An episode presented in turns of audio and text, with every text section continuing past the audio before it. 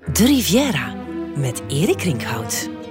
In het boek Mon ami Maigret is een man dood in Porquerolles, een eiland in de Middellandse Zee dat vlak voor de stad Hyères ligt. Maigret moet er met inspector Pike naartoe. En dit is de allereerste keer dat hij de luxe slaaptrein vanuit Lyon naar het zuiden neemt.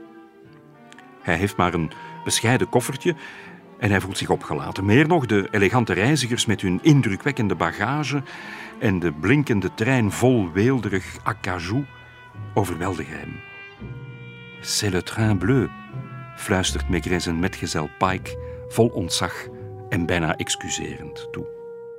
Dans le train bleu, prestige et tradition, fleuron de la compagnie des wagons-lits, on lui présentera la carte. Et quelle carte Terrine de foie gras de canard truffé à 17 francs, saumon fumé à 16 francs, canard à la danoise 20 francs. Le Train Bleu was een mythische trein waarvan de oorsprong teruggaat tot 1860. Toen kon je met de expresstrein Paris-Lyon-Méditerranée plots in 30 uur, in plaats van in 12 dagen, naar de Riviera reizen. Je sliep er in zogenaamde coulis, compartimenten met vier zitplaatsen, waarvan drie stoelen in een bed konden veranderen. De vierde plaats werd een kastje. Tegen 1893 was het een volwaardig, rijdend reishotel met restaurant, rookkamers en slaapkamers. Tot 1922 veranderde er aan de expressterrein weinig. Tot op 8 december van dat jaar Le Train Bleu werd ingezegend. Een absoluut hoogtepunt voor treinreizen. Het was een stalen trein in blauw en goud geverfd, die ook wel de miljardairstrein werd genoemd. Een paleis op wielen, met een naam die ook in het Engels goed verstaanbaar klonk. Als reissensatie kon je Le Train Bleu vergelijken met de latere Route Nationale 7, waarover Trenet zong: De zomerhemel verjaagt het zuur van de stad. We zijn gelukkig. Zo was de stemming tijdens zo'n treinreis helemaal, maar dan aristocratisch. Le Train Bleu was integraal eerste klas. Wie mee kon, was steenrijk. Het verhaal doet de ronde dat een conducteur ooit een tip kreeg, een fooi, die zo groot was dat hij er een restaurant in Boulogne mee kon openen. Voor de Duke of Windsor werd er een aparte wagon met speciaal ontworpen badkamer aangehangen. Zijn grootvader, Edward VII, had de reputatie een van de meest frivole bon vivants van de Côte d'Azur te zijn, waar hij in 1870 al had ontdekt dat de zeden er anders waren dan thuis. Ik ga naar de Riviera zoals ik naar een club ga, zei hij. Je treft er altijd goed gezelschap en iedereen mengt zich, zoals op een garden party. Dat mengen, dat mixen, had vooral met promiscuïteit te maken. En hij reisde toen nog niet met Le Train Bleu, maar met zijn zeilschip de Britannia. In de dinerwagon van Le Train Bleu had je verschillende gelegenheden. De Maxims, de Café Royal, Simpsons en Savoy. En andere bekende reizigers waren Churchill, de Amerikaanse president Harry Truman, prinses Grace van Monaco, Brigitte Bardot en Agatha Christie, die de trein met The Mystery of the Blue Train vereeuwigden. Ook Coco Chanel liet zich er graag mee naar de Riviera rijden. Ze zag zo bruin als een garçon de plage wanneer ze in Parijs terugkeerde. Een ware sensatie. Coco vond het fenomeen zonnebaden uit. En het zonnebaden werd ineens excessief beoefend. Uren en uren bakken om dat diepe bruin te verkrijgen. Het was bijna een studie.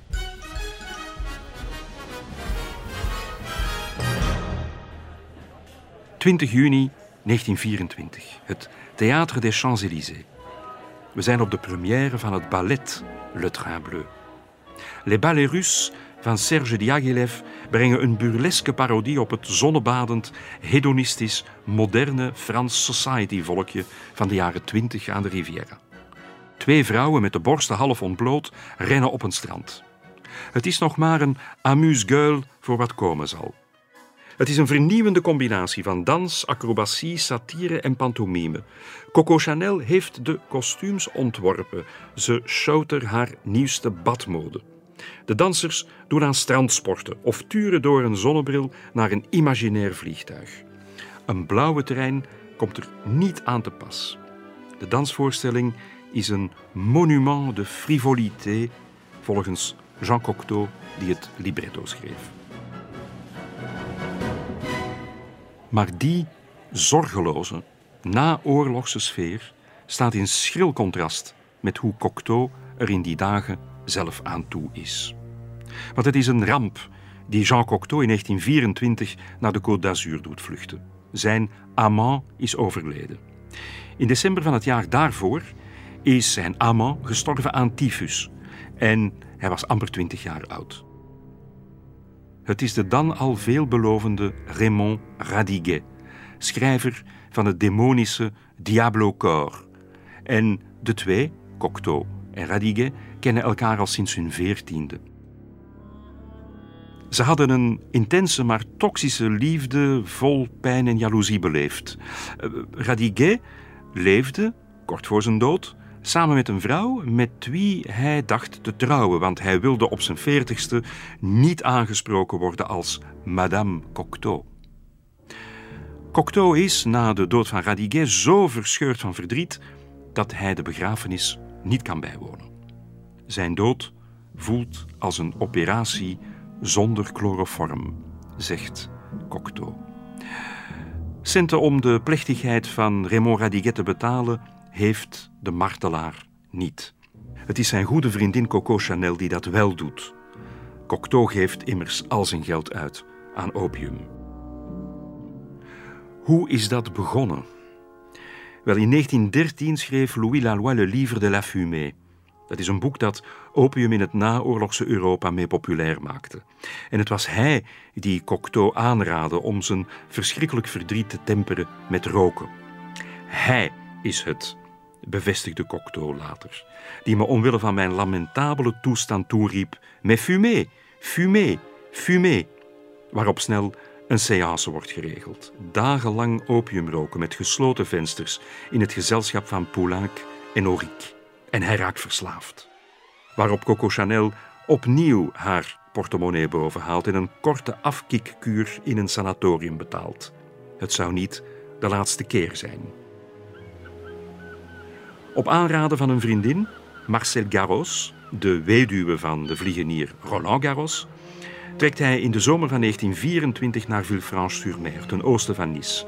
Het is een oude stad, gebouwd aan het water en tegen de heuvels, met oogverblindend witte kiezelstranden, smalle steegjes waar je de wijnpersen kan ruiken en waar s'avonds een koele bries waait die naar sinaasappelbloesem ruikt. Cocteau zou daar meteen van moeten opkikkeren, maar er is niet meteen hoop op beterschap. Aan zijn moeder schrijft hij: Wat ik ook doe, ik slaag er niet in om me uit die afreuze angstspiraal te bevrijden. Sinds de dood van Raymond is het een ware veldtocht om de avond te halen. Geen enkele bezigheid kan het eindeloze tobben stoppen. Wat moet ik doen? Vier maanden later klinkt het niet beter. Ik lijd, ik lijd onafgebroken. Het is de hel. Ik leef in een boze droom, een andere wereld die ondoordringbaar is voor vriendschap. Ik schaam me om zoveel onmacht. Pas wanneer Marcel Garros weer naar Parijs trekt en Cocteau zijn intrek neemt in een hotelletje, lijkt het beter met hem te gaan. Het is Hotel Welcome dat de plek Villefranche-sur-Mer legendarisch zal maken. Een eerder shabby onderkomen aan de kade. Vier verdiepingen met balkonnetjes en luikjes voor de ramen, dat nu in alle reisgidsen staat. Omwille van de bewoner die er net arriveert, Jean Cocteau. De komst van Cocteau verandert het hotel in een soort van microcosmos. Een kolonie van binnen- en buitenlandse bohemiens, waaronder veel homoseksuelen. Er is in de stad een Amerikaanse marinebasis met appetijtelijke matrozen. In de marine gold een gouden regel in verband met betrekkingen tussen mannen die geen vrouw konden vinden. Je ging in op de avances, maar met stilzwijgende goedkeuring. Je deed wat je deed zonder het onder woorden te brengen. Een krachtige omerta. De gastenlijst van Hotel Welcome is binnen de kortste keren een checklist van de avant-garde in de jaren 20. Cocteau staat er in het middelpunt. Krijgt er twee kamers van de patron. Eén om te werken en te slapen en één om te roken. Want het sanatorium en de afkikkuur hebben maar een kortstondig effect gehad. Cocteau voelt zich helemaal thuis aan de Mediterranee. Soms kun je hem de haven zien uitvaren, gekleed in zijn robe de bain, in een roeiboot waar hij zelf een zeemeermin op heeft geschilderd. Maar soms ligt hij gewoon lang uit op de steiger, onder een zon die hem naar eigen zeggen alleen maar pijn doet, omdat ze zijn herinneringen meedogenloos beschijnt. De nachten in de bar van Hotel Welcome zijn burlesque. Een mengelmoes van intellectuelen, artiesten, matrozen en prostituees. Gays en hetero's onder elkaar feesten er zonder remmen. Het is er vaak een en al chaos, met oplaaiende emoties waarbij glazen en flessen sneuvelen en meubels door de lucht vliegen. De eigenaar blijft er onverstoorbaar onder. Hij zegt: Les jeunes gens s'amusent. Een naïeve Amerikaanse toerist die er eens toevallig logeert, beschrijft later: Je kon de typische geur al ontwaren in de toegangshal. Ik heb nooit begrepen hoe je in een hotel zo openlijk opium kon roken, zonder dat de autoriteiten daar lucht van kregen. Hotel Welcome heeft aan de ene kant kamers die uitkijken op de Alpen en aan de andere kant op de haven. Cocteau neemt de kant van de haven, want daar kan je naar de matrozen kijken. Cocteau schrijft daarover. Onze kamers werden op den duur een soort theaterloges, van waaruit we de gevechten van de Franse, Amerikaanse en Britse matrozen aan de waterkant gadesloegen. Overdag tekenden we, schreven we en gingen bij elkaar op bezoek, van kamer tot kamer. Dat van kamer tot kamer eindigt vaak tussen de lakens. Door er jarenlang op geregelde tijdstippen hof te houden, heeft Jean Cocteau inderdaad een mythe rond Hotel Welcome in Villefranche-sur-Mer geschapen. Isadora Duncan, Pablo Picasso, Calder, Stravinsky zouden er ook komen. Later zal Cocteau de plek het Lourdes van de artiesten noemen. Een fabelplek waar geen enkele commedia dell'arte aan kan typen. Tegenover die fabelplek staat een kapel, een oude visserskapel uit de 14e eeuw. De Chapelle Saint-Pierre des Pêcheurs, de visserskapel, waar de vissers vermoedelijk kwamen bidden om een goede vaart te hebben natuurlijk. Die kapel die, uh, had Cocteau al ontdekt in de jaren 20. En hij wou toen al het stadsbestuur, lokale bevolking ervan overtuigen om die oude visserskapel te restaureren en opnieuw in gebruik te nemen. Dat heeft 30 jaar geduurd. Het is pas in de jaren 1950 dat eh, Cocteau zijn slag heeft thuisgehaald. En men is dan dus eh, de oude de materialen en vissersnetten enzovoort uit de kapel gaan halen, want ze werd als een opslagplaats gebruikt. Um, de kapel is hersteld, gerestaureerd en Cocteau heeft, wat hij al heel lang wou doen, de buitenkant en de binnenkant gedecoreerd. Hij heeft muurschilderingen aangebracht. Voor een groot deel gaat het over zijn eigen visie op Sint-Pieter, de patroonheilige. En uh, hij brengt daar natuurlijk wel op zijn typische manier erotiek in. Maar hij bevolkt die uh, kapel niet alleen met heiligen, maar ook met zijn eigen vrienden en kennissen. Dus je herkent nogal wat bevriende acteurs, muzikanten in figuren die op de muren van de kapel prijken. Hij heeft ongeveer hetzelfde gedaan met een aantal andere plekken aan de Côte d'Azur. Hij vertoefde daar zeer veel in de jaren 50. Hij heeft daar ook een aantal films opgenomen. En tijdens een aantal opnames uh, kwam hij Francine Weisweiler tegen, die een soort mecenas is geworden van hem. Zij vroeg hem om te blijven overnachten, voor langere tijd ook, uh, in de Villa Sospir, uh, Saint-Jean-Cap-Ferrat. En Cocteau heeft daar een hele tijd verbleven, maar begon zich daar ook te vervelen en vroeg dan van mag ik deze villa ook niet decoreren? En hij heeft daar meer dan 200 tekeningen op de muren aangebracht. Die villa die is op dit moment helaas niet te bezoeken, die wordt al enkele jaren helemaal gerestaureerd.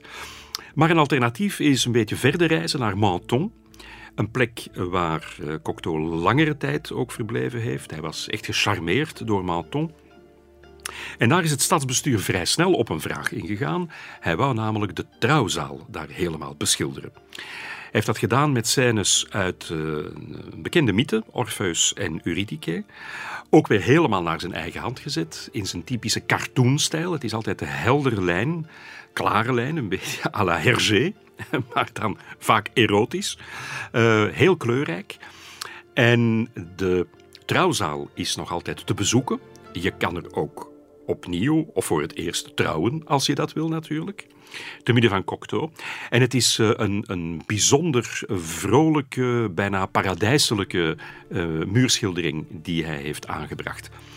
Cocteau is zo ver gegaan dat hij ook het hele meubilair zelf in handen heeft genomen. Dat is diep rood, de kleur van de passie.